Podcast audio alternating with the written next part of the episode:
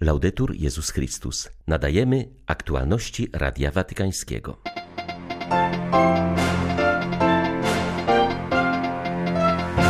Papież Franciszek zaapelował o odmawianie różańca w intencji pokoju, cierpienia i łzy narodu ukraińskiego, zawierzył Matce Bożej.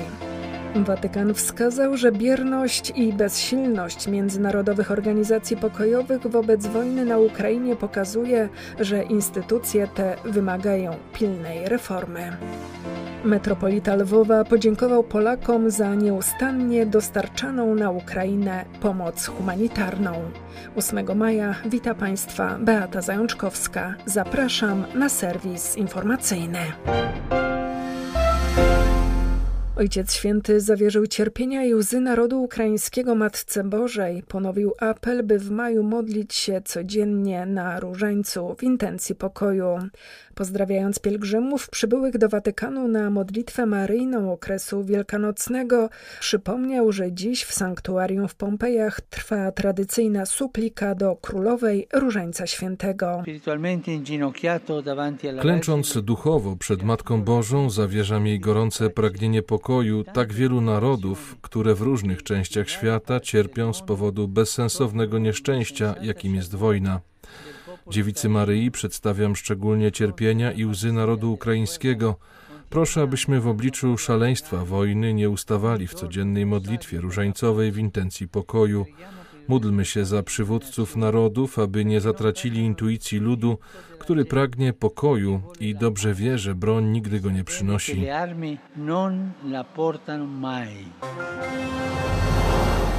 Oprócz bólu związanego z bestialstwem rosyjskiej armii, wojna na Ukrainie wywołuje na całym świecie niepewność i dezorientację z powodu braku interwencji organizacji międzynarodowych. Krytyka skupia się głównie na Radzie Bezpieczeństwa ONZ, która wydaje się sparaliżowana obecnym kryzysem, nie potrafi wznowić negocjacji, a tym samym zapobiec kolejnym zbrodniom wojennym, niszczeniu miast i destabilizacji gospodarczo-politycznej. Konieczna jest reforma, aby w obliczu konfliktów świat mógł liczyć na wsparcie tych organizacji, mówi Francesca Di Giovanni, podsekretarz do spraw relacji z państwami watykańskim sekretariacie stanu. Organizacje te powinny nadal odgrywać rolę w relacjach międzynarodowych. Obecny kryzys można tylko częściowo przypisać odpowiedzialności państw, które je tworzą. Reforma Rady Bezpieczeństwa jest przedmiotem dyskusji od lat, ale jak dotąd bez rezultatu. Państwa muszą zrozumieć, że nie uda się zbudować bezpieczeństwa światowego, ograniczając je do wyścigu zbrojeń. Konieczne jest szersze spojrzenie, jak mówi papież, integralne, czyli tworzone w harmonii wraz z bezpieczeństwem żywnościowym, środowiskowym, zdrowotnym, ekonomicznym i społecznym oraz zrozumienie, że wszyscy znajdujemy się w jednej łodzi. Już 74. dzień Ukraina broni się przed rosyjską inwazją. Coraz ostrzejsze walki toczą się w obwodach donieckim i ługańskim. Wczoraj otrzymałem informację, że z Azowstalu udało się wywieźć wszystkich cywilów. Modlę się jeszcze o to, aby z Mariupola ewakuowano także rannych żołnierzy mówi arcybiskup Światosław Szewczuk. W swoim codziennym orędziu wojennym zwierzchnik rosyjskich grekokatolików zatrzymał się nad kolejnym uczynkiem miłosierdzia, jakim jest obowiązek napojenia spragnionych. Dostęp ludyny do czystej wody. Dostęp ludzi do czystej wody jest warunkiem ich przeżycia. Wiemy, że w wielu bombardowanych miastach dostęp do wody stał się pierwszą potrzebą humanitarną. Po atakach wielopiętrowe budynki zmieniają się w szkielety bez ogrzewania i światła. Da się tam jakoś wegetować, ale nie bez wody. Nawet jeśli ich mieszkańcy otrzymają artykuły żywnościowe, to bez dostępu do wody nie mogą przygotować posiłków. Przykładem miasta, które ma ogromne problemy z brakiem wody jest Mikołajów. Mieszkańcy próbują kopać studnie, ale nawet w miejscach, w których udało się przywrócić dostęp do wody, nie zawsze nadaje się ona do picia. Proszę wszystkich, którzy pomagają Ukrainie, aby skoncentrowali się na próbie przywrócenia dostępu do wody pitnej tam, gdzie potrzeby są największe.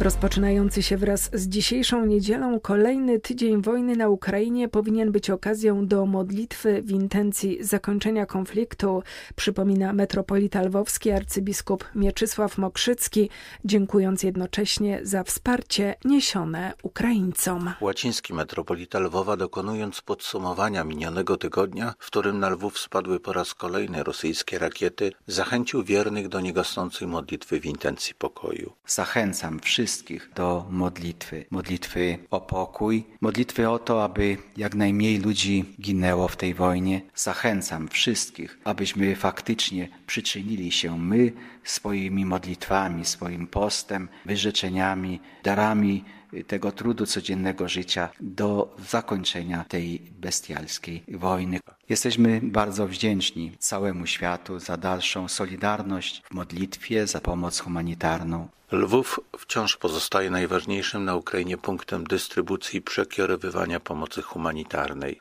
która trafia do najbardziej zniszczonych i odczuwających skutki działań zbrojnych regionów wschodniej Ukrainy. Z Lwowa dla Radia Watykańskiego ksiądz Mariusz Krawiec, Paulista.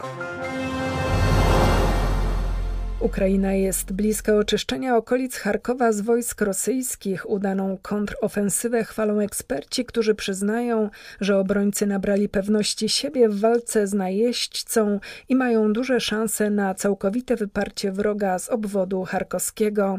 Dla nas to wielka radość. W serca wstępuje nadzieja, mówi pracujący w Charkowie Marianin ksiądz Mikołaj Bieliczew. Powoli, jedna wioska, druga, trzecia, czwarta. Skutkiem tego stało się, że ostrzałów stało o wiele mniej. Jeżeli wcześniej było tam po 50 za dzień, to w tej chwili to jest tam 3, 4 i to jest bardzo takie radosne. Takim wiosce Cyrkuny na północ od Charkowa, ona była zajęta od początku wojny i tam była jedna znajoma naszej parafianki i ona codziennie tam pisała, że siedzimy w piwnicy, czekamy na naszych i przez ostatnich chyba tydzień albo więcej to nie mieli już nic. Nie było ni gazu, ni prądu, ni wody, tylko coś udawało im się gotować na ogniu otwartym na ulicy w tej chwili, kiedy tam nie strzelali. Ale oni się wczoraj doczekali. To było takie radosne dowiedzieć się, że teraz oni już zostali wyzwoleni. Bo tam wiele ludzi w tej piwnicy było. Podczas konferencji Solidarność i Współpraca Europejska na rzecz uchodźców z Ukrainy sekretarz generalny Międzynarodowej Katolickiej Komisji do Spraw Migracji zwrócił uwagę, że mamy do czynienia z największą europejską migracją od czasów II wojny światowej. Obejmuje ona 8 milionów uchodźców, z których połowa to dzieci. Ksiądz Roberto Vitillo przypomina, że oprócz solidarności z uchodźcami potrzebne są fundusze na ich przyjęcie, a także na edukację, pracę, mieszkania i integrację. Nie należy ograniczać się jedynie do bezpośredniej pomocy humanitarnej. Istnieje pokusa zaakceptowania takiej postawy jako wszystkiego, co możemy zrobić. Musimy kontynuować dialog i szukać możliwości uruchomienia korytarzy humanitarnych dla osób, które utknęły w jakimś mieście, aby zapewnić im bezpieczne miejsce, ale zawsze z nadzieją na powrót do domu. Nasza organizacja koordynuje pracę grupy roboczej utworzonej przez Caritas, jezuicką służbę uchodźcom i suwerenny zakon maltański. Oczywiście nie po to, by zastąpić jedną czy drugą organizację, ale aby zbadać potrzeby, które nie zostały zaspokojone, a następnie zaplanować wspólne działania. W rozważaniu przed modlitwą maryjną okresu wielkanocnego papież Franciszek nawiązał do dzisiejszej Ewangelii, w której Jezus posługuje się obrazem dobrego pasterza. Podkreślił, że relacja z Bogiem jest możliwa tylko wówczas, gdy otwieramy się na słuchanie głosu Ducha Świętego, podobnie jak owce podążające za pasterzem i słuchające Jego wołania. Jeśli Go słuchamy, odkrywamy, że nas kocha, wtedy nasza relacja relacja z Nim nie może być bezosobowa, zimna czy udawana. Jezus pragnie serdecznej przyjaźni, zaufania i bliskości. Chce, abyśmy wiedzieli, że jesteśmy przez Niego zawsze miłowani, a zatem nigdy nie jesteśmy pozostawieni samymi sobie. Będąc z dobrym pasterzem, doświadczamy tego, o czym mówi psalm. Chociażbym chodził ciemną doliną, zła się nie ulęknę, bo Ty jesteś ze mną. Zwłaszcza w cierpieniach, trudnościach i kryzysach On nas podtrzymuje, przechodząc przez nie razem z nami. Właśnie szczególnie w sytuacjach trudnych możemy odkryć, że Pan nas zna i miłuje. Zadajmy więc sobie pytanie, czy pozwalam się poznać Panu, po tym jak tyle razy doświadczyłem Jego bliskości, współczucia, czułości, jakie mam o Nim wyobrażenie. Bóg jest blisko nas, jest dobrym pasterzem. Inicjatywy córki świętej Joanny Beretty Molli w Stanach Zjednoczonych powstanie Międzynarodowe Centrum Rodziny i Życia poświęcone jej matce. Ma ono pomóc w szerzeniu wiedzy na temat postaci świętej, wspierać rodziny w dążeniu do świętości i promować szacunek dla każdego ludzkiego życia. Kardynał Carlo Maria Martini, mówiąc o świętej Joannie Beretcie Molli, wskazywał, że świętość, jaką ona proponuje, jest świętością ogólnodostępną, osiągalną dla każdego. Właśnie w celu promowania takiej świętości powstaje Międzynarodowe Centrum Rodziny i Życia. Od mojej matki i ojca nauczyłam się głębokiej wiary i niezachwianej ufności w Bożą opatrzność. Utworzenie tego centrum daje mi szansę dzielić się tym darem z innymi i pomagać rodzinom, aby razem stawały się świętsze, powiedziała Gianna Emanuela Mola. Springfield wybrała ze względu na wielką wiarę i zaangażowanie w obronę życia miejscowego biskupa, syna polskich emigrantów Tomasa Paprockiego. Gianna Emanuela Mola jest najmłodszym dzieckiem zmarłej w 1962 roku Joanny. Licząca dziś 61 lat kobieta jest jedną z najaktywniejszych propagatorek życia i świętości swojej matki. Wybrała również ten sam zawód co ona. Jest lekarzem. Carol de Foucault może być dziś wzorem i oparciem dla tych wszystkich, którzy w pewnym momencie swego życia oddalili się od Boga, by potem ponownie powrócić do chrześcijańskiej wiary, uważa ojciec Bernard Ardura, postulator sprawy kanonizacyjnej francuskiego pustelnika. 15 maja w Watykanie odbędzie się jego kanonizacja. Carol de Foucault w sposób szczególny nadaje się na przewodnika ludzi zagubionych, bo jak zauważa ojciec ojciec Ardura należy do tych, którzy przemawiają do innych własną świętością i sposobem codziennego życia.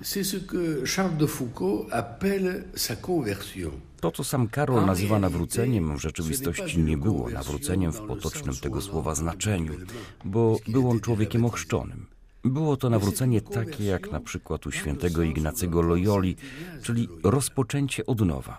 Jego nawrócenie, powrót do Boga sprawiły, że w pełni otworzył się na działanie łaski i został przemieniony od wewnątrz przez Boga, który w pewnym sensie musiał go znaleźć na nowo i doprowadzić do owczarni dobrego pasterza.